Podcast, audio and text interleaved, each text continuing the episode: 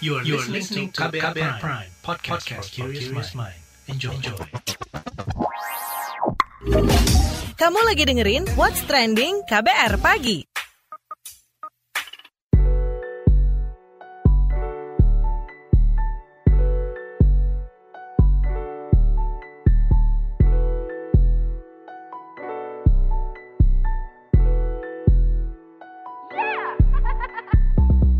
KBR Pagi, siaran pagi radio paling update. Selamat pagi, apa kabar Anda hari ini di hari Rabu 20 Januari 2021? Ketemu lagi dengan saya Don Brady di What's Trending KBR Pagi. Dan seperti biasa kita ngobrolin hal-hal yang lagi ramai diperbincangkan. Apa sih yang lagi ramai diperbincangkan uh, belakangan ini? Ini ada satu ajakan berdonor plasma konvalesen para penyintas COVID. Jadi nggak sedikit permintaan atas donor plasma ini bermunculan di media sosial. Ini karena kebutuhan untuk itu makin banyak. Atas kondisi tersebut, Gerakan Nasional Donor Plasma Convalescent resmi diluncurkan. Wakil Presiden Ma'ruf Amin mengatakan penyintas COVID-19 donorkan plasma konvalesen dan dia meminta masyarakat khususnya para penyintas COVID-19 untuk mendonorkan plasmanya.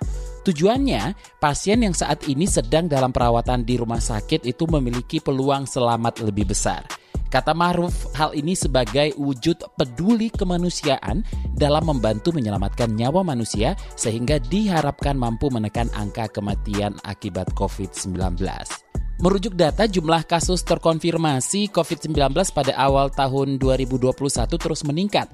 Namun, baru satu persen yang menjadi pendonor plasma konvalesen.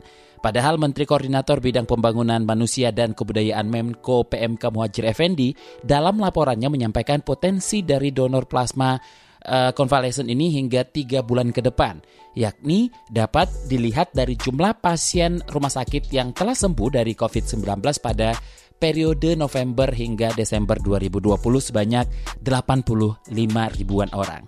Sebelum kita obrolkan lebih lanjut soal ini, kita simak dulu komentar warga net plus 62 berikut ini.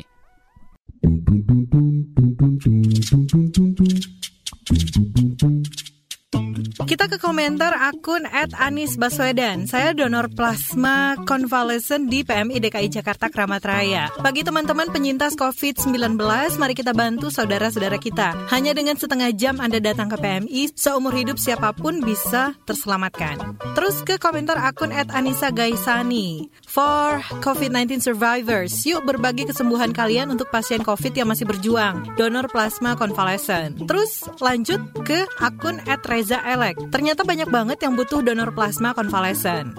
Ke komentar akun @kuni resort, Kapolres Lumajang menghadiri kegiatan donor plasma darah konvalesen.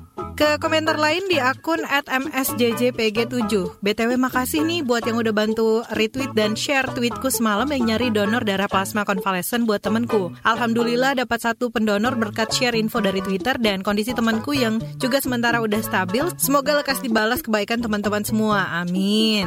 Ke akun at dmsnvrd, website informasi untuk mempertemukan antara penyintas COVID yang berkenan untuk donor plasma konvalesen dengan pencari plasma konvalesen. Di aksidonorplasma.com. Lanjut ke at Rio Adi underscore. Aku save dulu ya, baru mau cek nih di PMI Kramat apa bisa plasma darahku bisa didonorkan. Terus ke at PMI Sulsel underscore. Ayo ganti PP Medsosmu dengan Twibonize sebagai tanda untuk memulai gerakan nasional donor plasma konvalesen. Dan terakhir ke akun at Kelabang Ijo.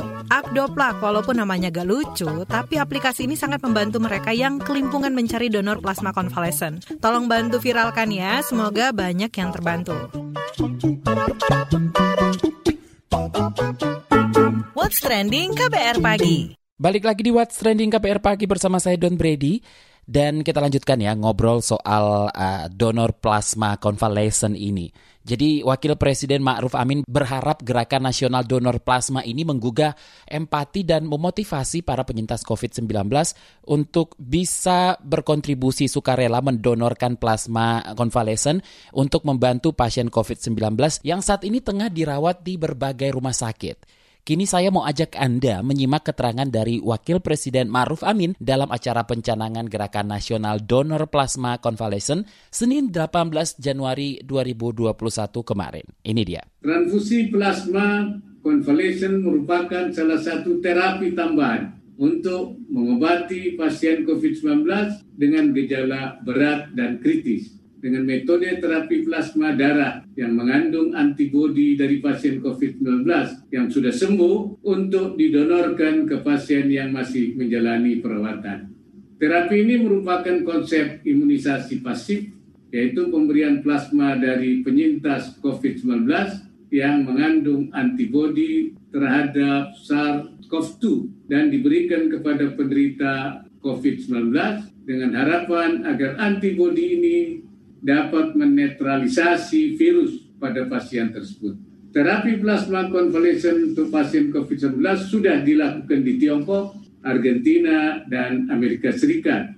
Gerakan bersama ini diharapkan menggugah empati dan motivasi para penyintas COVID-19 untuk bisa berkontribusi sukarela mendonorkan plasma konvalesen untuk membantu pasien COVID-19 yang saat ini tengah dirawat di berbagai rumah sakit. Dan sejak Mei tahun lalu, Palang Merah Indonesia atau PMI baru menerima 7.000 plasma konvalesen dari para penyintas COVID-19. Donor plasma konvalesen itu langsung mendapat supervisi dari lembaga biomolekuler Eijkman dan menurut Ketua Umum PMI Yusuf Kala, rata-rata ada 40% plasma konvalesen per hari yang diterima.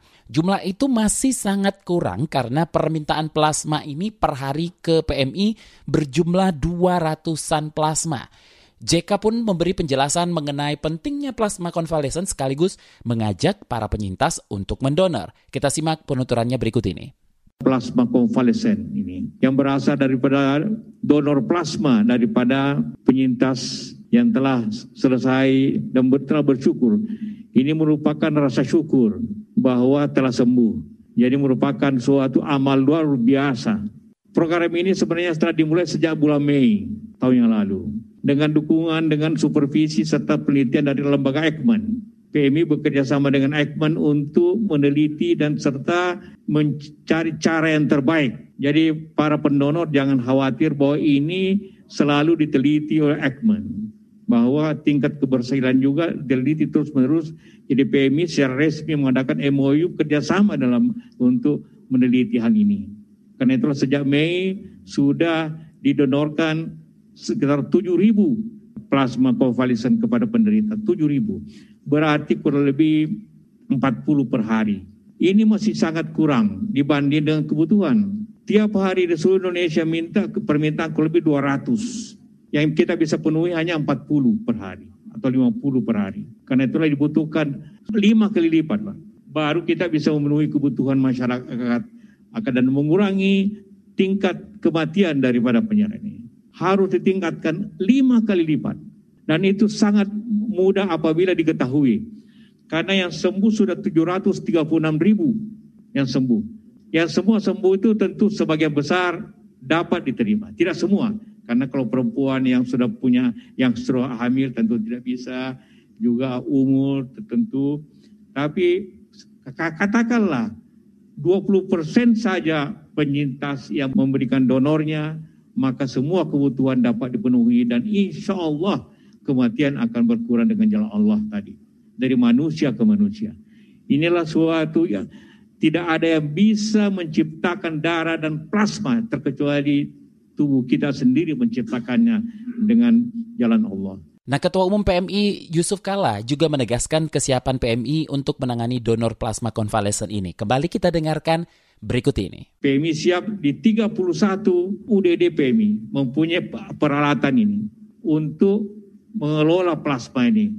Eferesis, alat eferesis kita mempunyai 60 alat tersebar seluruh Indonesia dan juga di beberapa rumah sakit besar mempunyai ini. Tapi tentunya karena itulah maka dibutuhkan kerelaan, kesadaran, pengamalan dan juga sumbangsi amal yang besar karena kita semua yang mendonor itu mempunyai kesempatan untuk membantu kehidupan manusia yang sakit. Ada 31 UDD dari 235 31 mempunyai peralatan lengkap untuk itu. Jadi tapi dapat didatangi di 230 UDD yang dapat menunjukkan di mana harus terjadi. Hampir seluruh Indonesia di kota-kota besar mempunyai peralatan untuk itu. pengelolaan dan keahlian untuk itu. Semua jangan khawatir, semua yang mengelola itu tamatan akademi untuk perawatan darah dan plasma. Nanti kita akan ngobrol dengan co-founder komunitas pendonor plasma konvalesen Andri Wicaksono. Jadi jangan ke mana-mana, tetap di What's Trending KBR Pagi. Newsbeat. Amerika Serikat menurunkan Biro Investigasi Federal atau FBI untuk membantu tim keamanan dan militer mencegah adanya penyusup saat pelantikan Joe Biden di Washington DC pada hari ini, Rabu 20 Januari 2021. Pelaksana tugas Menteri Pertahanan Amerika Serikat Christopher Miller mengungkapkan, FBI dilibatkan dalam penyelidikan latar belakang lebih dari 25 ribu pasukan Garda Nasional. Langkah ini diambil berdasarkan kejadian kerusuhan pendukung Donald Trump di Capitol Hill 6 Januari lalu. Usai kerusuhan yang mengakibatkan kematian lima orang tersebut, pemerintah memperketat keamanan dan memasang pagar pembatas dan kawat berduri. Vaksin COVID-19 asal Tiongkok diklaim aman bagi anak berusia 3-17 tahun. Anak perusahaan Sinopharm, China National Biotech Group mengungkapkan vaksinasi kepada anak aman namun memerlukan penguasaan yang cermat dan ketat sebab kekebalan tubuh mereka masih terus berkembang. Hingga kini vaksin asal Tiongkok ini masih menunggu izin dari pemerintah. Sementara ini Tiongkok telah memulai vaksinasi COVID-19 sejak Juli 2020. Vaksinasi hanya boleh dilakukan bagi orang-orang dengan rentang usia 18 hingga 59 tahun. Sementara itu, vaksin Sinovac dan CanSino Biologics tengah menjalani uji klinis pada anak-anak dan remaja. Demi mempertahankan usaha di tengah pandemi COVID-19, bioskop di Korea Selatan menyewakan layarnya kepada para pemain gym. Layanan ini dapat dinikmati selama lima hari dalam sepekan. Sejauh ini ada empat bioskop yang memberikan layanan tersebut, seperti bioskop di Seoul. Pihak bioskop memasang tarif 100 ribu won atau sekitar 1,27 juta rupiah per empat pemain selama dua jam. Namun tarif tersebut mengalami kenaikan pada jam 18 ke atas. Langkah ini merupakan inovasi di tengah pandemi, di mana pengelola bioskop tetap menerapkan protokol kesehatan dan menjaga jarak aman setiap pemainnya. Kebijakan layanan ini juga dipastikan akan mengikuti kebijakan pemerintah Korea Selatan ke depannya.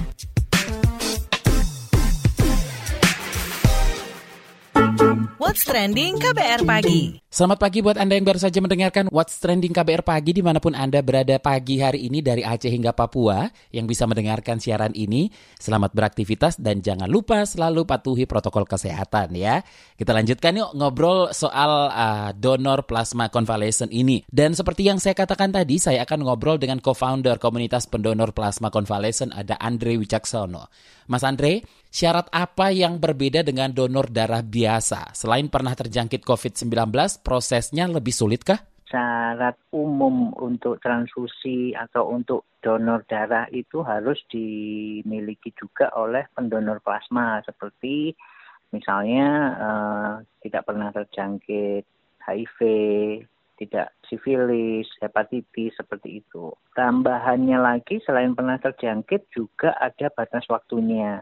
Jadi antibodi yang dibutuhkan itu maksimal tiga bulan setelah negatif. Jadi lewat dari tiga bulan itu antibodinya biasanya tidak mencukupi untuk terapi pengobatan plasma. Yang diutamakan sebenarnya laki-laki. Kalau perempuan yang belum pernah hamil karena ketika perempuan sudah hamil itu di tubuhnya terbentuk anti HLA yang biasanya akibatnya itu pada resipien itu berat menerima plasma tersebut. HLA itu antibodi yang dihasilkan seorang wanita yang ketika hamil atau dia melahirkan seperti itu. Sejauh ini jumlah donor konvalesen ini dinilai masih kecil dibandingkan jumlah penyintas. Menurut Anda, apa yang menjadi sebab?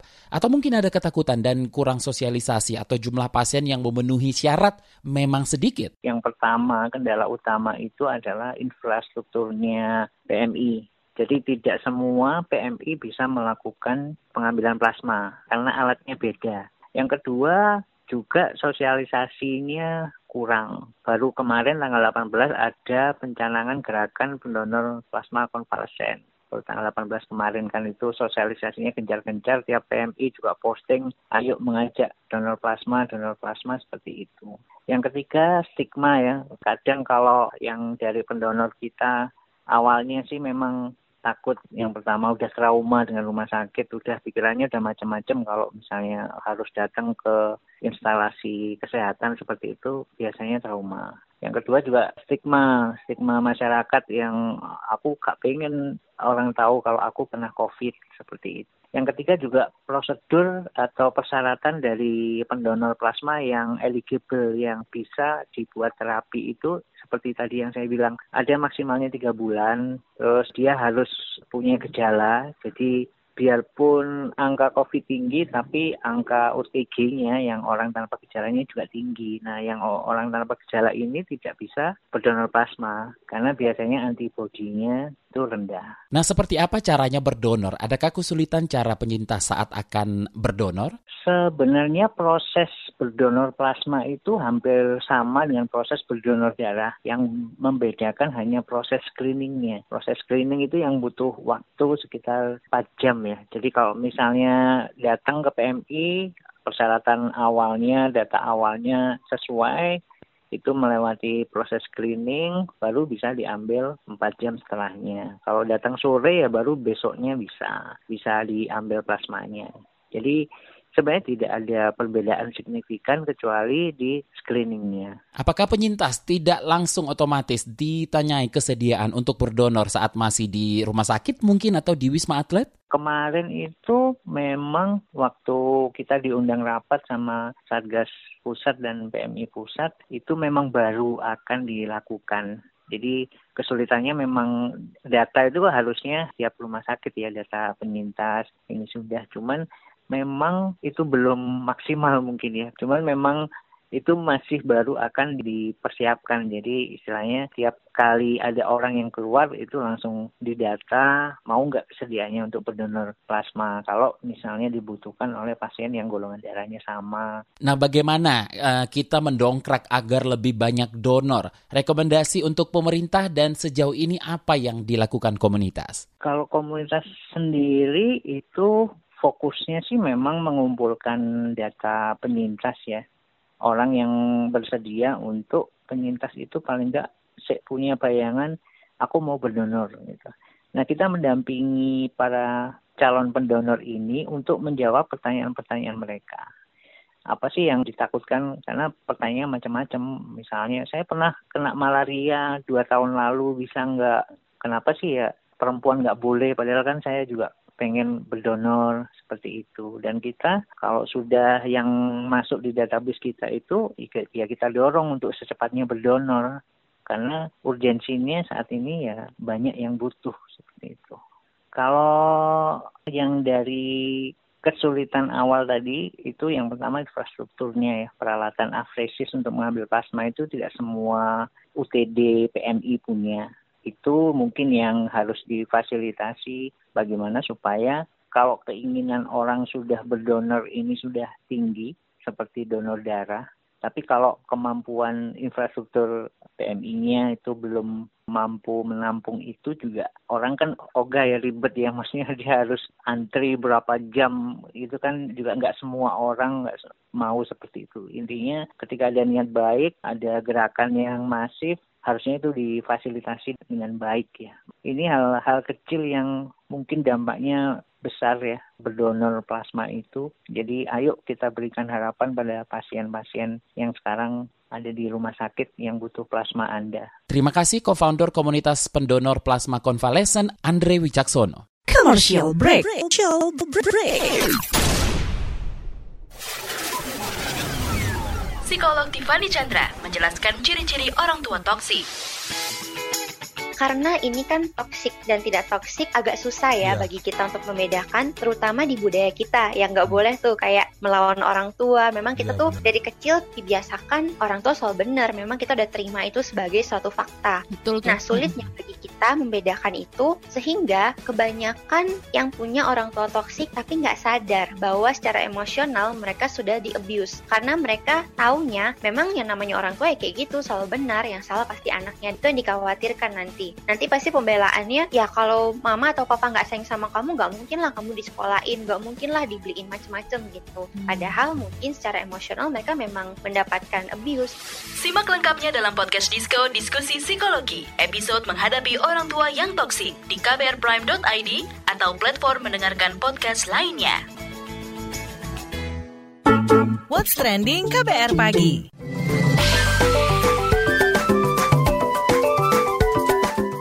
WhatsApp Indonesia. Selamat pagi, WhatsApp Indonesia kita awali dari Sulawesi Barat. Dinas Kesehatan Sulawesi Barat menurunkan tim untuk meninjau penerapan protokol kesehatan di lokasi pengungsian. Kabit Kesehatan Masyarakat Dinkes Sulbar Muhammad Ikhwan mengatakan, pihaknya terus berupaya mencegah terjadinya penyebaran COVID-19 meskipun dalam keadaan tidak kondusif seperti saat ini. Melansir dari kantor berita antara, Dinas Kesehatan setempat pun menyediakan masker bagi para pengungsi dan relawan, serta menekankan pentingnya menjaga jarak. Protokol kesehatan penting dilakukan sebab kondisi imun para pengungsi pengungsi menurun drastis. Dinas Kesehatan pun akan melakukan pemantauan rutin ke setiap pusat-pusat pengungsian di Sulawesi Barat. Selanjutnya kita menuju Kalimantan Selatan. Wahana Lingkungan Hidup Indonesia atau WALHI mendesak Presiden Joko Widodo memanggil perusahaan yang memiliki izin usaha pada wilayah hutan dan lahan di Kalimantan Selatan. Perusahaan tersebut di antaranya perusahaan tambang dan sawit. Direktur Eksekutif Walhi Kalimantan Selatan Kisworo Dwi Cahyono menduga korporasi menjadi penyebab kerusakan hutan yang berakibat pada banjir. Kisworo juga menyayangkan pernyataan Presiden yang menyebut banjir di tanah Borneo ini berasal dari curah hujan yang tinggi. Ia meminta Presiden berdialog secara terbuka di hadapan masyarakat dengan perusahaan. Sementara itu, menurut catatan Walhi, 50% dari luas Kalimantan Selatan sudah dibebani oleh izin tambang, kemudian 33% oleh izin perkebunan sawit, 17% untuk hak pengusahaan hutan atau HPH, dan hak tanam industri atau HTI. Terakhir kita mampir ke Rembang, Jawa Tengah. Palang Merah Indonesia PMI Kabupaten Rembang sudah tidak melayani lagi produksi darah plasma konvalens yang selama ini sering digunakan untuk menolong pasien COVID-19 ketika dalam kondisi sedang hingga berat. Sekretaris Palang Merah Indonesia PMI Kabupaten Rembang Suparwi menyatakan alasan paling pokok karena keterbatasan peralatan, sehingga bagi daerah-daerah yang belum mempunyai sarana pengambilan plasma darah sesuai standar tidak diizinkan lagi. Di Indonesia, hanya ada 15 PMI yang boleh melayani donor plasma darah, sedangkan di Provinsi Jawa Tengah hanya 3 PMI yang diizinkan, meliputi PMI Kota Semarang, Kabupaten Banyumas, dan PMI Surakarta. Pasca pelayanan donor plasma darah dihentikan, memang masih saja ada warga yang datang ke Sekretariat PMI Kabupaten Rembang karena belum mengetahui. Mereka akhirnya disarankan untuk mendatangi PMI Kota Semarang. PMI Kabupaten Rembang masih berharap kemungkinan ada donatur atau pihak-pihak yang peduli membantu melengkapi sarana prasarana sehingga bisa kembali melayani donor darah plasma konvalen. Mengingat, dengan donor darah plasma ternyata mampu menyelamatkan cukup banyak pasien COVID-19. Demikian WhatsApp Indonesia hari ini. Waktunya saya Don Brady harus undur diri. Terima kasih sudah mendengarkan dan buat Anda yang tertinggal siaran ini, Anda kembali bisa menyimaknya di podcast What's Trending yang ada di Spotify atau di kbrprime.id atau di aplikasi mendengarkan podcast lainnya. Terima kasih sudah mendengarkan. Besok kita ketemu lagi. Stay safe. Bye-bye. Terima kasih ya sudah dengerin What's Trending KBR Pagi. KBR Prime, cara asik mendengar berita. KBR Prime, podcast for curious mind.